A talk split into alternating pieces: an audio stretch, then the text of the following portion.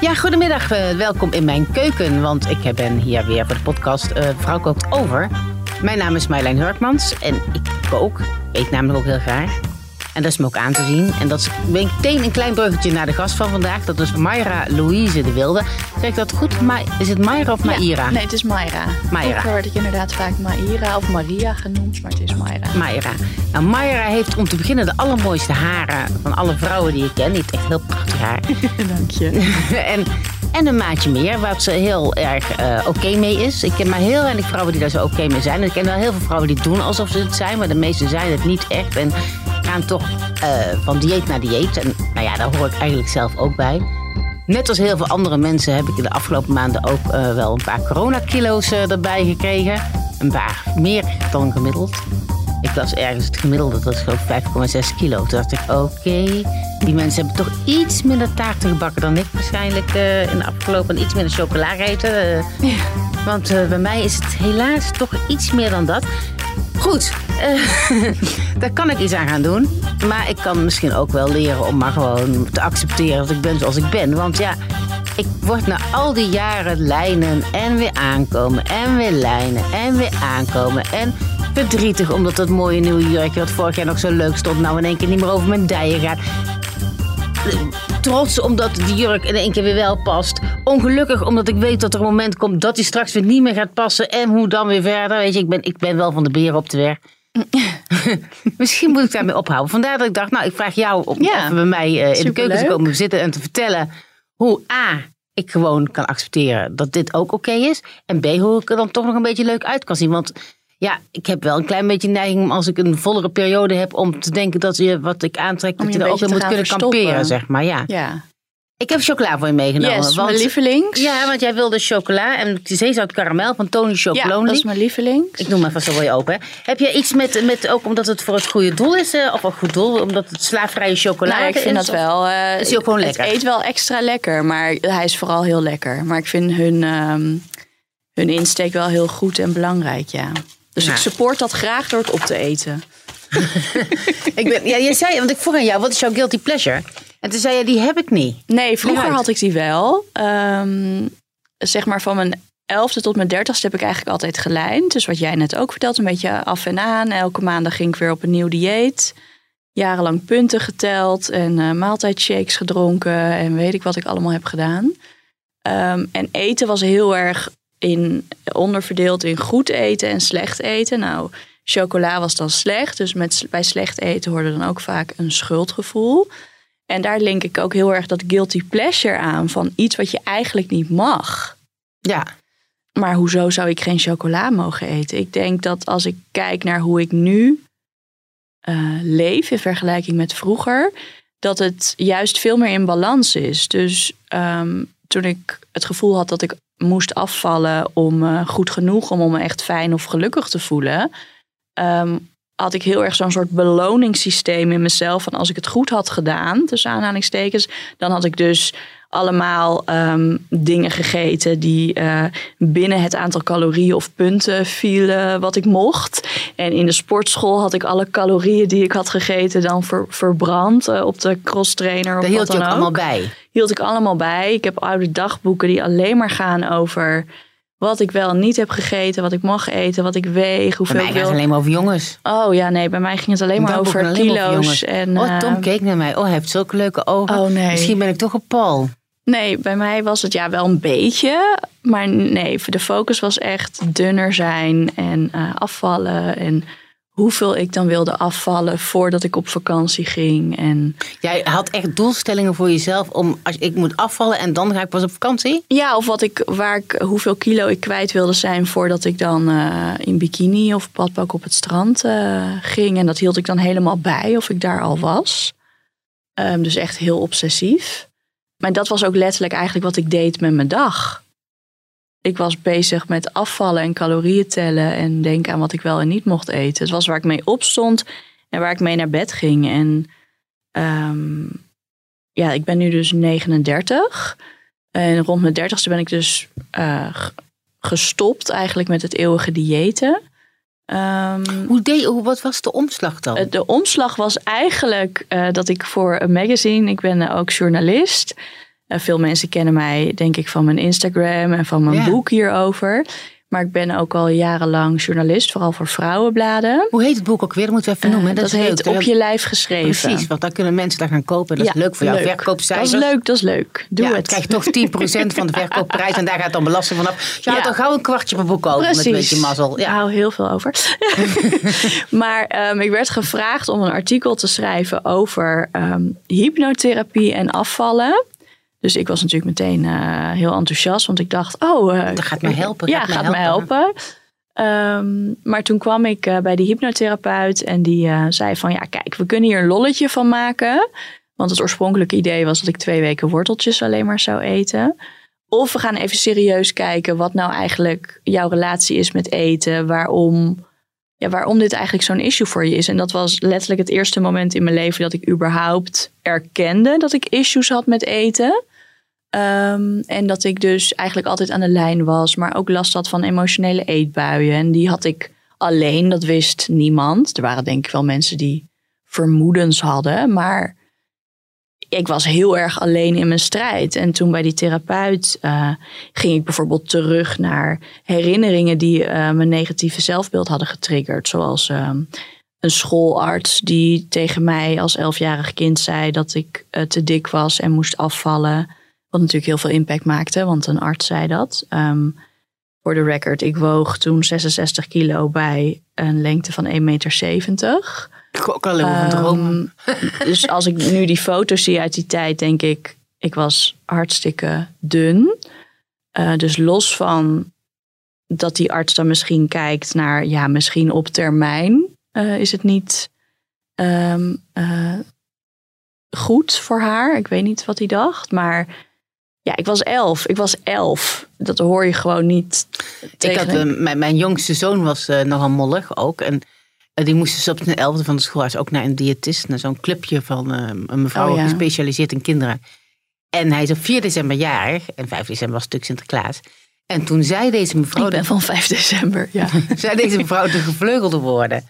Ehm, nou, omdat het feest is, mag jij morgen best wel, was je ook elf, hè, vier pepernoten. Dacht ik, mevrouw, wij komen nooit meer bij u terug. Dag. Nee, maar ik ja, vind ik het ga gewoon... toch niet een kind afschepen met, nou het is Sinterklaas, je bent jarig. Vier pepernoten, schat, ga maar tellen. Ik geloof echt dat, normaal. dat je kinderen echt zo een, ja, een verstoorde relatie met eten ehm, instuurt met dat soort dingen. En ik denk echt dat die arts in mijn geval ook niet dat niet had moeten doen. Eh, maar goed, die arts was slecht, slechts het begin. Ik bedoel, er zijn door de jaren heen nog veel meer momenten geweest waarin ik voor mijn gevoel van mijn omgeving te horen kreeg van je kan beter dunner zijn. Eh, ik was bijvoorbeeld de zwaarste van de klas en iedereen moest gewogen worden. En mijn gewicht, 66 kilo, stond op het bord. En dan was het van, wie weegt 66 kilo? En dan, oh ja, dat moet wel Mayra zijn. Nou, maar 66 kilo is helemaal niet het is veel. als je helemaal niet 1,70 veel, maar als je Nee. 11 bent en klasgenootjes hebt... Ik ben die- 1,63 meter, ik kan alleen maar dromen van 66 kilo, joh. als je klasgenootjes hebt die nog niet eh, ongesteld zijn en eh, ja, nog niet in echt eh, aan het, het veranderen zijn in, eh, zijn, zeg maar. in zeg maar ja, dat je meer die volwassen kant opgaat qua lijf. Ehm, ik was gewoon een van de eerste. Ehm, dus dat was gewoon super ongemakkelijk en triggerde een enorm gevoel van schaamte. En ja, dat is door de jaren heen gewoon zo gebleven. Maar toen dus op mijn dertigste kwam ik bij de hypnotherapeut terecht. Ehm, wat eigenlijk dus was om af te vallen, maar uiteindelijk eh, doorbrak ik met die sessies. Ik heb er vijf gehad. En ik ben uiteindelijk niet echt onder hypnose geweest, eh, maar ik heb EFT-therapie gehad. Dat is een soort eh, tappen, eh, aantikken op verschillende punten in je lichaam. En ehm, je spreekt eigenlijk een soort mantra's uit. Eh, in, in mijn geval waren die gelinkt aan eh, emoties en eten. Dus dat emoties eh, mijn eetgedrag niet meer bepaalden. En wat ik elke dag bijvoorbeeld moest doen voor elke maaltijd was voordat ik ging eten inchecken. Hoe voel ik me eigenlijk? Voel ik me rustig of is er onrust? En als ik niet me neutraal voelde, mocht ik niet gaan eten, maar moest ik eerst die oefeningen doen. Oké, was niet een kwestie van ik voel me niet neutraal, giet even een wodka tonic achterover en dan voel ik me weer wat Nee, relaxter. echt leren om de rust bij mezelf te vinden en niet eh soort van te vluchten in mezelf. eh, eh, hoe noem je dat, nammen, uh, een beetje Le- verdoven met eten. Ja, even een journalistenvraag van journalist tot journalist. Levert het wel een leuk verhaal op? Want ik kan me voorstellen dat zo'n eindredacteur denkt... ja, ik had gezegd, ga jij eens even leuk twee weken worteltjes eten... en daar een verhaal over schrijven. Nee, mijn, eh, mijn redacteur. eh, serieuze- Nee, mijn redacteur die, eh, die, die, die vond het juist heel goed. En die had zoiets van: ga maar doen. Ik ben benieuwd wat eruit komt. En die waren uiteindelijk heel blij, heel blij met het stuk. Ik heb natuurlijk wel genoemd in het stuk dat het eigenlijk de bedoeling was dat ik alleen maar worteltjes zou eten en ha ha ha. Ehm, maar ik denk dat, ja, dat, het, dat het er een, een beter artikel ehm, door is geworden. En voor mij ja, was het wel echt ehm, levensveranderend. Omdat ik natuurlijk altijd aan de lijn was. En vanaf dat moment niet meer. Ik heb mijn dieetboeken toen de deur uitgedaan. Ik heb alle kleding waarvan ik ooit nog hoopte dat ik erin zou passen, Ja, heb ja. ik toen eh, verkocht of gedoneerd. Ehm, en in de sportschool ehm, werd het in plaats van calorieën tellen, meer kijken van, oh, wat kan mijn lichaam eigenlijk en hoe voel ik me in mijn lijf en hoe kan ik me krachtig voelen. En werd sporten echt een manier om me juist ja, lekker in mijn vel te voelen in plaats van mijn lichaam eigenlijk af te wijzen. Dus dan moet ik het- nog even leren hoor. Sporten en lekker in mijn vel voelen. Bij mij is sporten vooral een wekelijks terugkerende crime. ja, maar misschien Verschrikkelijk. Ik heb wel ook echt gezocht naar wat ik leuk vond. Ik merkte bijvoorbeeld dat op van die apparaten staan is eigenlijk helemaal niet echt mijn ding. Want dan ga ik dus ook heel erg staren naar dat scherm van oh hoeveel calorieën heb ik Ja, en Want, hoeveel oh, moet ik nog? ik sta er pas 10 minuten op. Oh, dat schiet niet op. Ik moet eh 40 of weet ik veel. En ik ben toen eh, begonnen met eh, vooral lesjes bodypump. Dus dan ga je een beetje in de weer met gewichten en zo. En dat vind ik dus super leuk. En zo'n uurtje is zo voorbij. Ja, het is nu allemaal een beetje anders. dankzij de pandemie. Ehm, maar ja, voor mij was dat wel echt eh, een enorme verandering. En ik ben nu dus bijna tien jaar verder en nooit meer eh, terug geweest op dat punt van mezelf continu zo afwijzen. Dus het is voor mij wel echt, ja, eh, een ander leven. En dat is echt door de hypnotherapie gekomen. Dat je daardoor... Nou ja, ik denk dat het is gekomen door überhaupt te erkennen dat ik dus zoveel issues daarmee had. Dat ik al twintig jaar lang hiermee aan het worstelen was.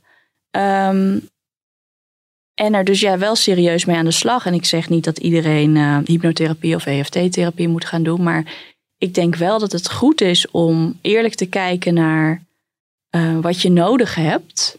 En ik, ik had wel hulp hierbij nodig. Ik kon dit niet alleen, want in mijn eentje bleef ik gewoon ja. ja, eh, te draaien in die draaimolen van welk dieet ga ik nu aan beginnen. Niet eten tot ik s'avonds honger heb en dan eet ik koelkast leeg en alles wat los vast en dan zit, voel ik me maar. daar weer schuldig om, want het, het, het, het riedeltje was, ik was aan diëten.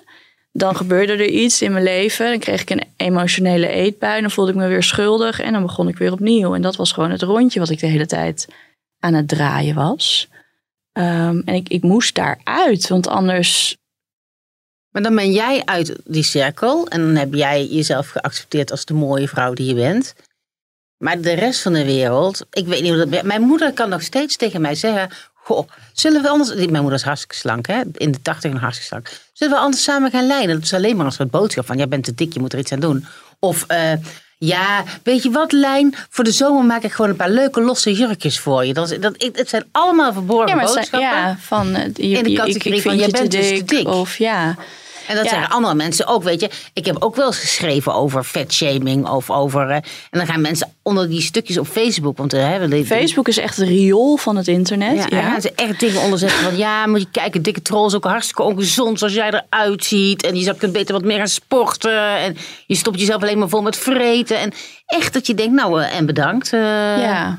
Voor deze morele steun. Ja, maar dat is, ja, mensen. Hoe ga jij ermee om dan, als mensen dat doen? Want dat Nou zou ja, jij kijk, dan ook daar, hebben. je kan er heel weinig aan doen. Dat, dat het in, kijk, het internet, ja, eh, mensen die, die, die doen dat. En mensen zijn gewoon. Het zegt heel veel over die mensen dat zij.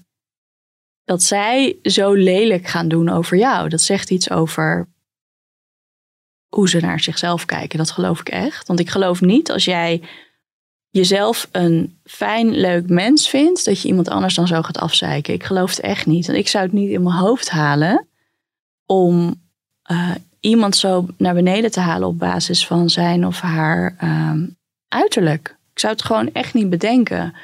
Ehm, en ik denk wel dat het iets zegt over je staat van zijn als je dat dus wel doet. En ik heb er zelf ook mee te maken. Um, laatste tijd niet heel veel. Maar ik heb het zeker toen ik um, een beetje uh, aan het groeien was qua volgers op Instagram. Dat ik best wel echt vaak gevetshamed werd en um, rottige comments kreeg of lelijke DM's. Um, maar uiteindelijk, al die dingen die die mensen zeiden, waren nooit zo lelijk als wat ik jarenlang tegen mezelf heb gezegd. Dus ik kon het dan ook wel weer van me af laten glijden. En artsen die dan roepen, ja, maar dat hele vetshaming, anti-vetshaming beweging, uh, gaan eraan voorbij dat het gewoon ongezond is. Dat, dat is ook een ding natuurlijk. Ja, maar ik, um, kijk, ik ben geen arts, dus ik wil heel voorzichtig zijn met um, uh, uitspraken over um, wat wel en niet gezond is. maar ik geloof wel dat als je jezelf accepteert, dat je sneller geneigd bent om goed voor jezelf te zorgen. En dat je beter um, een stabiel, uh, stabiel wat zwaarder kan zijn dan continu jojoen. Omdat je, je lijf krijgt steeds een opdonder van 10 kilo afvallen, 15 kilo erbij. 15 kilo afvallen, 12 kilo erbij. Dat, dat is gewoon je lijf gaat van een soort van hongersnood naar overvloed en weer terug naar hongersnood. En dat dan 10, 20, 30 jaar lang. Ik denk dat je dan beter 20 jaar lang, 30 jaar lang steady, um, als je dan per se naar die stomme BMI wil kijken, um, een te hoog BMI kan hebben. Overigens is daar ook, uh, ik weet niet meer wanneer het was, een paar jaar geleden of zo. Men riep altijd een gezond BMI is tussen de 20 en 25 of tussen de 18 en 25. Maar toen was uit onderzoek gebleken dat mensen met een BMI tussen de 25 en de 30 minder vaak ziek zijn. Ja, nou, het is ook zo dat het BMI is ooit uitgevonden om het gemiddelde van uh, groepen mannen uh, uit te kunnen rekenen. En nu wordt het dus individueel gebruikt, terwijl het nooit daarvoor bedoeld is. Dus ik vind het, als je daarover nadenkt, best wel heftig dat het zo'n belangrijke tool eigenlijk is in de medische wereld. Um, want het maakt van mensen ook heel erg nummers. En je ziet gewoon als je. Het is natuurlijk niet in elk, elke keer zo, maar je ziet het wel gebeuren dat als je naar de dokter gaat en je bent dikker, dat er al heel snel wordt gezegd: ja, dan moet je maar gaan afvallen. Ja, als eerste. Hè? Dokter, ik Terwijl, heb een ontstoken teennagel. Ja, ja, maar je bent ook te dik, mevrouw. Ja, dus dan moet je maar eerst gaan afvallen ja. en dan gaat dat wel weg. Terwijl je zo ook heel erg voorbij gaat aan wat er misschien echt aan de hand is. Ik denk dat ook wel ziektes op die manier gewoon over het hoofd is. Ja, zeker weten. Omdat er wordt gedacht, je bent dik, dus dat is de oorzaak van alles. En dat vrouwen, misschien ook mannen, ook op een gegeven moment niet meer naar de huisarts willen om die reden. Dat je denkt, ja. Omdat ze denken, ze gaan toch zeggen dat ik moet afvallen. dat moet afvallen. En dan blijf je dus zitten met je ja. klachten. En misschien ben je uiteindelijk dan dus ja, een zware sjaak. Omdat er geen actie is ondernomen. Maar goed, kleren, want daar gingen we het ook nog over hebben. ja, kleren. Want hè, iedereen wil natuurlijk, er wordt weer mooi weer en zo. De terrassen gaan open. De terrassen zijn net open gegaan vorige week. Ja. Ik ben nog niet geweest overigens. Uh, ik ook niet. Nee, ik was wel van plan. Bij de eerste dag denk ik, ja, het was heel druk. En de tweede dag regende het. En de derde dag had ik het druk met mijn werk. Dus ja, weet je... Um, het komt, het, het komt. Het, ik kom, jongens, ik kom eraan. Zet, zet me vast koud. De, de wodka tonic en de witte wijn. Ik ben onderweg. Um, maar goed, dan wil je natuurlijk ook wel weer een beetje leuk eruit zien. Ja. En ik ben heel erg geneigd om mijn, als ik een dikker lijf heb, om dat dan te gaan verstoppen. Hoe ja. hoe beter. Ja, die leuke. India-jurken, weet je wel. Van die fladderjurken met spiegeltjes die op een plaatje ook altijd worden getoond op een hele slanke mevrouw. Die er dan ook heel leuk Ibiza hip uitziet en zo. Ik niet. Ik zie er dan gewoon uit als iemand die gaat kamperen. Maar dat vind jij. Dat is ook wat je jezelf vertelt. Oké, okay, ja. Ja, dat is wat ik mezelf vertel. Wat ik in de spiegel zie. Ja, maar jij kijkt ook alleen dan in de spiegel naar wat je niet leuk vindt. Ja, die heb ik vaker gehoord. Zei iemand, je moet in de spiegel kijken en dan moet je benoemen wat je wel leuk vindt. Nou ja, Daar heb ik heel of... lang over gedaan en kon niks vinden. Serieus. Nee, maar je kan ook, kijk, het ding is een beetje, um, als je een negatief zelfbeeld hebt, um, de weg naar een positief zelfbeeld, als je dat even op een schaal zet, van bijvoorbeeld min 10 is dan je een negatief zelfbeeld en plus 10 is dan waar je heen wil. Dat is heel ver uit elkaar. Terwijl de nul, neutraal, is ook een stap, maar het is misschien wel wat haalbaarder. En ik denk dat um, het beeld wat nu bijvoorbeeld ontstaat uh, met stromingen zoals body positivity, wat super belangrijk is. Maar dat heel erg heerst van ja, je moet je goed voelen over jezelf. Je moet van jezelf houden. Je moet uh, in de spiegel kijken en jezelf fantastisch vinden. Maar wat als je nou leert om wat meer te kijken um, met een neutrale blik en eigenlijk wat minder bezig te zijn met dat uiterlijk en hoe je er um, nou exact uitziet. En of dat nou voldoet aan welke standaard dan ook. Want die standaard is er alleen maar om ons eigenlijk een rotgevoel te geven. Want um, uh, het is soort van normaal om je slecht te voelen over jezelf. Het is normaal om te zeggen: Oh ja, maandag, ik ben weer op dieet. Het is heel. Um, uh, eigenlijk nog steeds een uitzondering. Dat zei je ook voordat we aan de uitzending begonnen. Van um, vrouwen die zich echt oprecht goed voelen over zichzelf. Ja. Eigenlijk zie ik toch meer mensen die ja, een beetje blijven hoppen van dieet naar dieet. En dan ja, misschien een periode. Nee, ik ben helemaal oké. Okay. Ja. was iemand, ik weet niet, was het Oprah Winfrey. Iemand zei ooit, en iedere dikke vrouw schuilt een zielig huilend mager meisje. Nou ja, en als dat, is de, als dat de overtuiging is die je vervolgens meenam, ja, succes. Ja, ik, kijk, ik heb, um, bij mij is het proces uiteindelijk zo geweest dat ik um, dus eerst mijn lijf aanpakte en de relatie die ik daarmee had. En toen kwam ik er een paar jaar later achter van, hmm, diep van binnen voel ik me eigenlijk nog steeds niet goed genoeg. En ik denk dat dat bij heel veel mensen het probleem is, tussen aanhalingstekens, dat we ons lichaam gebruiken als een soort bliksemafleider. Uh, van dit is mijn probleem, hier moet ik iets aan doen. Maar dat de kern eigenlijk van binnen zit. En natuurlijk speelt de, deze maatschappij ook mee. En um, dat de norm toch uh, relatief slank is, slank en wit en jong. Um, maar als dat je, uh, als je je daaraan blijft verhouden, dan ben je nooit goed genoeg. Dus je, het is ook een beetje aan jou om dan te kijken hoe kan ik het um, leuker maken voor mezelf.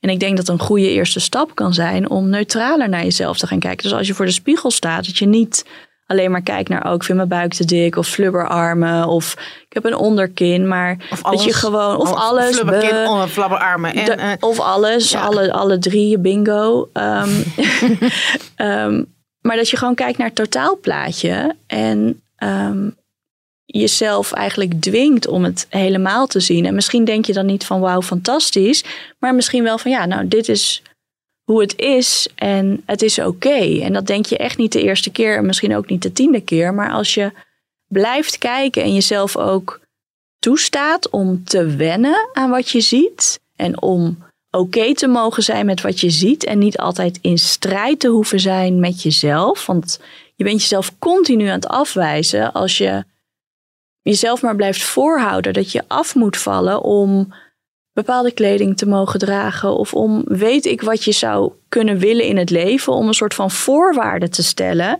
dat je dunner moet zijn om puntje puntje te mogen, om die jeans te dragen, om op uh, vakantie in bikini op het strand te mogen zitten. Of Doe jij dat allemaal? Ja. Een bikini? Ja, ook in badpak soms, want ik badpakken dan. Ik vind badpakken tegenwoordig veel leuker dan tien jaar terug. Ik weet dat vroeger had ik heel erg van, oh ja, een badpak, ja, dat trek je dan aan omdat je dan dikker bent. Tegenwoordig vind ik dat er gewoon heel veel toffe badpakken zijn, dus heb ik ook badpakken. En ik denk ook dat je jezelf niet hoeft op te leggen dat je per se die bikini aan moet. Dat het ook oké okay is als je op het strand zit en jezelf toch nog even um, een t-shirt of een jurkje aan wil trekken als je een drankje gaat halen. Vind ik sowieso net. Maar, mijn kinderen moeten dat altijd. Maar voor mij is het wel een enorm moment van bevrijding geweest toen ik voor het eerst op het strand was in bikini en gewoon naar de bar liep in bikini. Dat had ik 15 jaar niet gedaan. Ik was 15 jaar lang of niet op het strand, of ik lag de hele dag plat op mijn buik, zodat niemand hem zag. Of ik zat gewoon in een groot t-shirt en mijn bikini zag überhaupt het strand niet. Die zat dan gewoon zat onder mijn kleren. Um, dus voor mij is dat wel uh, een moment geweest van ruimte maken voor mezelf, om dat dan lekker wel te doen. En eigenlijk mezelf dus mijn comfortzone een beetje uit te trappen. Um, en te kijken wat er gebeurt en te merken, oh, de wereld vergaat helemaal niet als ik uh, hier met mijn cellulitis uh, paradeer op het strand. Nou, nou draag jij gewoon waar je zin in hebt. Je hebt me zelfs ooit verteld, heel lang geleden alweer hoor. Ik weet niet of je het nog steeds doet, dat je ook gewoon kleren kocht in een kleinere maat en die op een andere manier droeg Klopt. of zo. Ja, Doe Ja, dat heb ik geleerd van, eh, van Edith Dome. Ehm, zij heeft ook net een boek uitgebracht. Dus als mensen echt denken, ik wil heel graag hier echt mee aan de slag. eh, check het boek van Edith, Fashion is Fun. Eh, dat gaat hier veel uitgebreider op in. Ehm, maar dat heb ik van Edith geleerd en van Danielle van Grondelle. Die je denk ik ook wel ja, eh, kent een plus size model. plus size model. En ehm, ehm, zij eh, is op een gegeven moment een vriendin van mij geworden. Ik heb ook modellenwerk gedaan. Zo hebben wij elkaar leren kennen. En zij zei, ja, ik kijk gewoon naar de, de, de shape, de pasvorm van een kledingstuk en niet ehm, naar de maat. Ehm, dus Edith kwam ik tegen als stylist toen ik dus eh, als model werkte. En die had dan bijvoorbeeld een medium, dat ik dacht, een medium? Ik ben niet medium. Maar dat jasje had dan juist een hele mooie pasvorm, doordat het bijvoorbeeld daardoor mijn taille accentueerde in plaats van oversized viel. En eh, dat is eigenlijk nog steeds hoe ik shop. Dus kijk, bij jeans moet ik wel gewoon mijn eigen maat. Maar bij een trui of een jurkje of een top kan ik ook kijken. Ehm, bijvoorbeeld bij Monkey eh, zijn heel veel oversized. Dat is een merk of zo? eh, Ik ja, dat is een eh, kledingmerk. Zijn heel veel oversized kledingstukken. Ehm, maar als ik die aantrek, vallen ze misschien net anders dan hoe ze zijn bedoeld. Eh, maar betekent niet dat ze niet heel tof kunnen zijn. Dus ik kijk naar de pasvorm, ik kijk naar het materiaal, hoeveel stretch erin zit. ehm, ehm, en hoe ik me überhaupt erin voel. En op die manier heb ik eigenlijk door de jaren heen een soort van mijn mogelijkheden qua shoppen heel erg eh, vergroot. Kijk, nu is het zo dat er steeds meer leuke opties zijn voor plus size. Vind ik wel echt dat het, Ja. ehm, dat het echt jonger aan het worden is. Ik weet toen ik nog modellenwerk deed en toen ik 19, 20 was en net was begonnen, dat ik voor mijn gevoel altijd eh, kleding aan had tijdens een shoot die eigenlijk voor een hele conservatieve 60-plusser. eh waar echt gewoon met schoudervullingen en dan niet tof, maar gewoon echt heel conservatief en Heel truttig ja, was het heel altijd. ja. truttig en gekke teddybeer dingen dan op, op Dat, zakjes. vind ik- ja, dat of vind ik zo erg. Om een of andere reden die heeft pailletjes plus en kleren iets, iets alsof het kleuterjurkjes met zijn. gekke details waar niemand op zit te Nee, ik wachten. denk, hoezo moeten er, moeten er hobbelpaardjes op Ja, de stof? Ik maar ben goed, er uit nu- of ik acht ben. dat. Ja. Maar goed, we zijn nu twintig jaar verder en eh, er is wel echt veel veranderd. Het, ik vind, het is nog steeds niet ehm, wat het zou moeten zijn. Eh, maar er is wel veel meer keus. Ehm, ehm, en er, er is wel echt verjonging, heeft er wel plaatsgevonden. Ehm, maar ja, je moet het ook eh, weten te vinden. Maar bijvoorbeeld, eh, neem een H&M. veel van hun standaardcollectie gaat tot maat 50 inmiddels. Zelfs de trendcollectie. En ik weet dat die jarenlang tot maat 42 ging. Dus Ja. het is wel echt aan het verruimen. En ik had laatst bij H&M wat basics besteld in XXL. En dat was veel te groot. Dus het lijkt eh, ook alsof eh, zij bijvoorbeeld anders zijn gaan kijken naar eh, de maat. Kijk, ik weet dat een Zara gaat ook tot XXL. En dat valt dan Ja, weer heel echt serieus. Ik krijg anders. niet op mijn enkel. Maar ja, dat heeft bijna iedereen die geen Spanjaard is. Ehm, Terwijl ik zou denken, Dus- Spaanse vrouwen zijn ook klein en een beetje ronder. Maar dat is niet... nee, het is- daar niet op Nee, geïngericht. totaal niet. Uh, maar wat ook heel erg belangrijk is, is om um, het kledingstuk niet belangrijker te maken dan jijzelf. Dus als die broek niet past of die jurk niet past, doe dan niet alsof het jouw schuld is. Weet je, mode zou zich aan moeten passen aan ons, in plaats van dat wij ons aan moeten passen aan mode. En ik denk dat dat een van de valkuilen is waar heel veel mensen, ik jarenlang ook, instapten van, oh ja, ik wil graag zo'n broek, maar ik pas die broek niet. Dus ik moet iets aan mezelf doen. Nee, die broek zou er moeten zijn op een manier dat die mij past. En dat ik er ook makkelijker in kan trekken. In Ja. dat afschuwelijke kleine overbelichte pashokje. Dat, eh, pashokjes ook. Met die spiegels ja. aan vier kanten. Waarvan ik denk, nee, hier zit ik op te wachten, jongens. Dat ik Ja, hier maar voren denk, er tegelijkertijd- best oké uit. En even achterom kijk en dan zo, zo van die Michelin-rollen Ja, zie je. maar Denk toch ik, nou, denk ik dan, Dank u. ga dus vaker juist dan wel kijken en wen aan wat je ziet. Want het is helemaal niet zo erg als dat je denkt. Het is, het, kijk naar jezelf. Kijk naar die achterkant. Kijk naar die rollen. En denk, ja, die rollen zijn er. Ja. En, en dus? Wat zegt dat over jou als mens? Echt geen ene moer. Ja, oké, misschien dat je van taart houdt. Maar, maar het is ook niet een gegeven dat uh, je eet meer, dus je bent dik. Heb je al, hoe lang heb je nou al dezelfde kledingmaat? Um, ik ben nu. Ja, het is een beetje. Kijk, ik heb een kindje gekregen natuurlijk tussendoor. Tussendoor. uh, zij is bijna vier.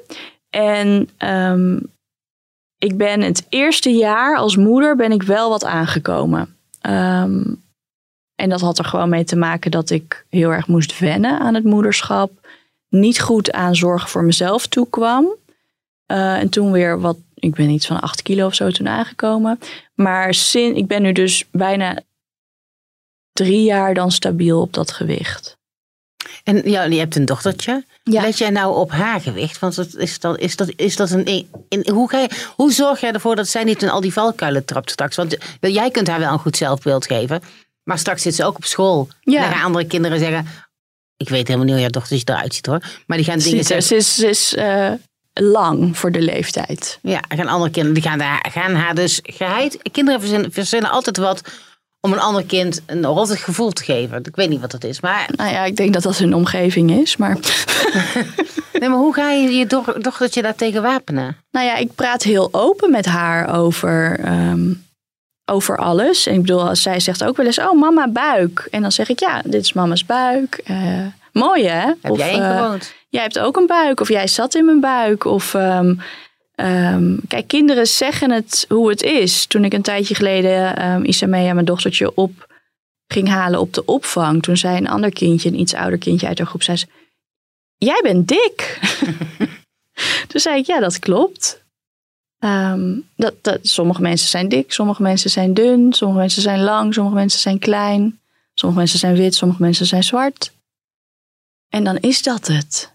Ja. En ik probeer het gewoon um, er, er geen waardeoordeel aan te hangen.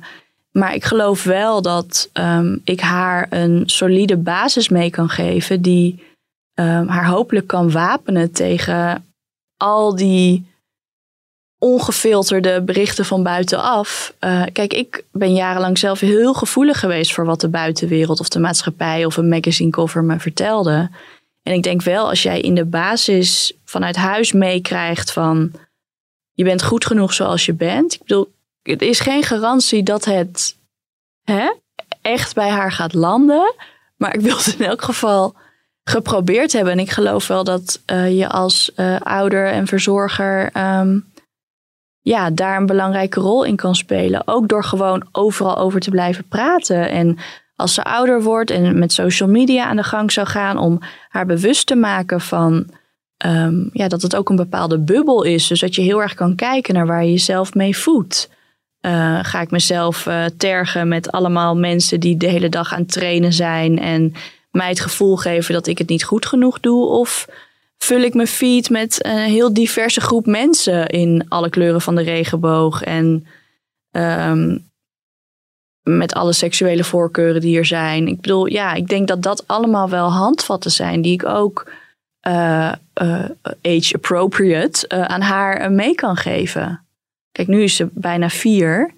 Um, en probeer ik vooral ervoor te zorgen dat ze um, ja, leert dat dingen gewoon zijn. En dat we het overal over kunnen hebben. En um, wel chocola eten Dat alles normaal is. Ja, ik zit zo te kletsen. Hè?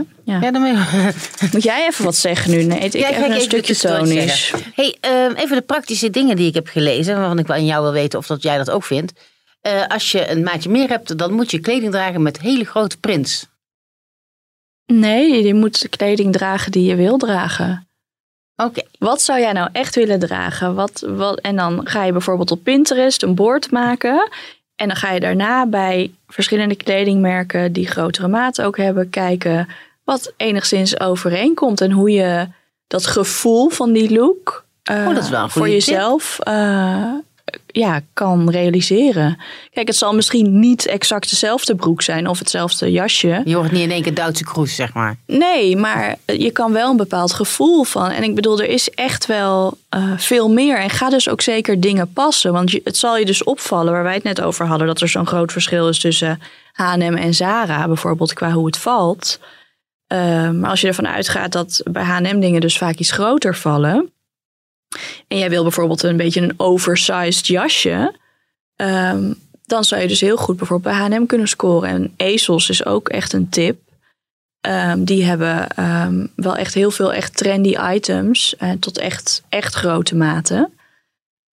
en als je wat chiquer wil gaan, heb je Marina Rinaldi. Dat is uh, echt super mooie kwaliteit. Ook wel wat meer aan de prijs. Maar dat zijn dus meer ja, uh, investment pieces, zou ik zeggen. Dingen waar je echt in investeert. Maar heb je misschien wel een pak dat je tien jaar draagt. En ook een tip uh, qua jeans is um, Fox Factor. Ik weet niet of je dat kent, een nee. Belgisch merk. Die hebben uh, hele mooie jeans. Um, en als je maat verandert binnen het jaar dat je de jeans kocht, uh, krijg je een nieuwe. Oh, dat is wel handig in mijn geval. Ja. Ik, doe, ik ben nogal, maar dat moet ik ook van af. Uh, als, je als je maatje meer hebt, moet je vooral wijde kleren dragen. De nee. tent, zeg maar. Nee, je moet echt dragen waar jij je fijn in voelt. En als je zou willen experimenteren met strakkere dingen, ga dat lekker doen. En ik snap dat je niet meteen als je dat nooit deed, uh, dat je meteen in een strakke jurk op het terras gaat zitten. Maar je zou wel bijvoorbeeld het in huis eerst kunnen dragen. En dan een keer er naar, in, naar de supermarkt, ook al heb je een jas erover. En dan misschien als je een keer bij een vriendin langs gaat. En gewoon faceer het een beetje voor jezelf. En ga gewoon experimenteren met je er comfortabeler in gaan voelen. Maar je moet jezelf soms ook wel een beetje uit die comfortzone helpen en het gewoon doen. Want wat ga je doen? 30 jaar lang niet dragen wat je echt wil dragen? Is gewoon wel echt zonde. Dat kan, maar het is wel echt zonde. Ik ben wie du. Ik leef niet meer voor jou. De foute hey, nou, we zijn alweer bijna aan het eind. Je had, ik had jou ook gevraagd wat uh, jouw favoriete nou ja, foute nummer is eigenlijk een beetje een raar woord. Want welke muziek is nou fout? Ja, wat is nou fout? Ja, ik, heb wel, maar, ik had hier een tijdje geleden een gast en die had als nummer, uh, wat was het ook alweer? Een Nederlandse variant op YMCA. Um, hier is het feestje of zo. Maar, maar, dat, dat, maar zelfs dat beetje nummer. carnaval. Denk ik, ja, het, is, ja, het was ja. toch eigenlijk wel uit Limburg. Ja. En ik, ja, nou ja, zelfs dat nummer had nog wel wat. En vorige week afgelopen was Tolly Bedford, die had Teach In met Dingen Dong. Ja, het, ik, ja, ja, is, is dat een guilty pleasure? Voor de een wel en voor de ander niet. Ja, het is maar. meer dat ik dan denk van, ik, ik linkte het meer aan wat je misschien niet verwacht of zo. Ja, want je hebt voor Taylor Swift gekozen. Ja, Shake, Shake It, off. off. Dat is echt zo'n nummer. Ja, ik heb helemaal niks met Taylor Swift. Ik weet niet, um, ik, weet niet eens hoe ze eruit ziet. Dat is zo, is toch, die valt er in de categorie waar mijn kinderen dan fan van zijn of zo, of niet? Ja, misschien. Ja. Is dat die met die groene haren? Nee, nee, nee. Ze heeft blond haar. Is een oud Disney meisje? Ik heb geen idee. Ik Oh ja, weet niks over haar achtergrond. Maar um, dat nummer is gewoon, ik weet niet, als ik me een beetje bleh voel, uh, dan zet ik dat nummer gewoon op en ga ik gewoon dansen in de woonkamer. En dan, uh, dan ben ik vrolijker. En mijn dochtertje vindt het ook heel leuk, want het zit in de film Sing. Dat is met allemaal dieren die uh, zingen en optreden. En een van die dieren is dan een varkentje en die heeft dit nummer dan ook. Dus zij vindt dat helemaal enig om dan uh, mee te dansen. Uh, dus nu dansen we samen dan in de woonkamer. Dus dat is ook wel uh, een manier om ehm, je lichaam eigenlijk ook te vieren. En gewoon lekker in je woonkamer te dansen. En scheid te hebben aan hoe het er wel of niet uitziet. Ja, ik moet zeggen, het deed me heel erg denken aan een, een, nummer wat ik zelf heel vaak draai. Dat is Shake It Out. Oh ja. Dat is van Florence and the Machine. Maar dat, is dan, dat vind ik namelijk echt zo'n nummer waarin alle ellende van de wereld... Weet je, er zit één zin in. En dat is, uh, hoe gaat het ook weer letterlijk? Ik had hem even op moeten schrijven, want ik kan hem eigenlijk nog maar altijd citeren. maar nu is mijn hoofd even leeg. Het is, it's always darker before the dawn. Ja. Dus vlak voor het weer ochtendgloor begint, is het, op, het leven op zijn donkerst. Nou ja, goed, daar houd ik me altijd een beetje aan vast. En daar deed het me aan denken. Maar dit, de tekst was wel, ik heb dus zeker over even de lyrics opgezocht. En Totaal ander nummer. Totaal ander nummer. Maar... Um, de, de, de vibe daarvan, uh, die snap ik wel, zeg maar. Het is ook een beetje, laat het allemaal gaan. Ja. Laat het gaan. Precies, gewoon, ja. ja. Dus eh, we gaan er zo dadelijk nog even een stukje van luisteren. Dan heb ik nog even, eigenlijk nog één boodschap. En dat is dat we voorlopig eventjes met vakantie zijn met de podcast. Dus de komende weken, jij bent even de laatste gast. Dan Ja, komen mensen we moeten, moeten het even hiermee gaan doen. Even op repeat. eh. Ja, en de, de podcast bestaat natuurlijk gewoon. Dus mensen kunnen op Spotify kunnen ze de podcast allemaal naluisteren. Daar staat ook de lijst op met alle nummers die de afgelopen gasten hebben opgegeven. Leuk. En er is wel anderhalf uur muziek. Dus anderhalf het foute uur keer an, en dan anderhalf voor in de auto. Altijd leuk, zeker doen. ja. En nou ja, gezellig dat je er was. ja, thanks for having me. DJ start de muziek, zou ik zeggen. But I keep cruising. Can't stop,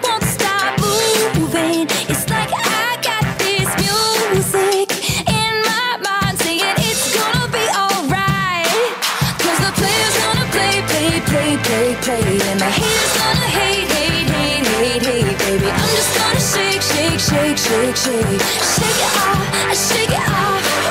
Heartbreaker's gonna break, break, break, break, break. And the faker's gonna fake, fake, fake, fake, fake, baby. I'm just gonna shake, shake, shake, shake, shake. Shake it off, shake it